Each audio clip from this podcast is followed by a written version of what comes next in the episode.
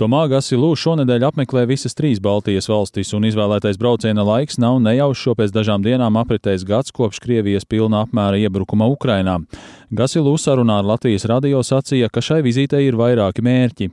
Le premier, c'est de réaffirmer la solidarité stratégique de la France. euh, Pirmkārt, mēs vēlamies apliecināt Francijas strateģisko solidaritāti Latvijai un pārējām Baltijas valstīm. Otrakārt, mēs vēlamies izvērtēt starptautisko atbalstu Latvijā un Baltijas valstīs, tāpēc mēs apmeklēsim franču karavīrus, kuri ir dislocēti Igaunijā un Lietuvā.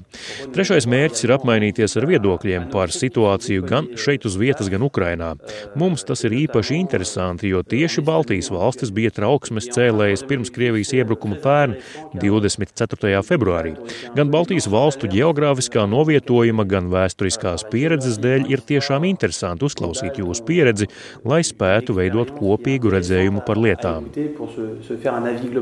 Gasilū atklāja, ka viņš sarunās ar Latvijas amatpersonām vēlējās uzzināt par mūsu bruņoto spēku gatavību reaģēt iespējamā uzbrukuma gadījumā, kā arī par Latvijas centieniem palielināt aizsardzības budžetu. Francijas parlamentārieši arī vēlējās uzzināt Latvijas kolēģu viedokli par Krievijas iebrukumu Ukrainā. Euh, Francijā mēs bieži uzdodam jautājumu, vai tas ir tikai Putina karš, vai tas ir visu Krievijas iedzīvotāju karš. Un mūsu kolēģis Saima apgalvoja, ka Krievijas iedzīvotāji labprāt atbalsta šo karu. Pirms gada, kad Krievija uzsāka pilnā apmēra karu Ukrainā, Francija bija Eiropas Savienības prezidējošā dalībvalsts. Tomā Gasilū uzsvēra, ka Francija ieguldīja daudz pūļu, lai Eiropas Savienības dalībvalstis iespējami ātri vienotos par spēcīgām sankcijām pret Krieviju, kā arī sniegtu palīdzību Ukrainai. Euh, Mēs Eiropas ietvaros mobilizējām dažādus mehānismus, konkrēti Eiropas miera mehānismu, kas ļauj finansēt ieroču iegādes. Tādēļ var teikt, ka Eiropas Savienība tiešām ir mobilizējusies un sniedz Ukrainai atbalstu, kur apmērs ir līdzīgs ASV sniegtajam atbalstam. Gasilū arī atgādināja, ka reaģējot uz Krievijas agresiju Ukrainā, Francija pastiprināja militāro klātbūtni Eiropas austrumu flangā. Igaunijā pastāvīgi uzturas franču karavīri, bet Lietuvā bāzējas Francijas iznīcinātāji, kas patrulē Baltijas valstu gaisa telpā. Francija ir viena no vadošajām bruņojuma piegādātājām Ukrainai. Tādēļ aktuāls ir jautājums, vai Francijas militārā rūpniecība spēs tikt galā ar Ukrainas milzīgo pieprasījumu pēc bruņojuma.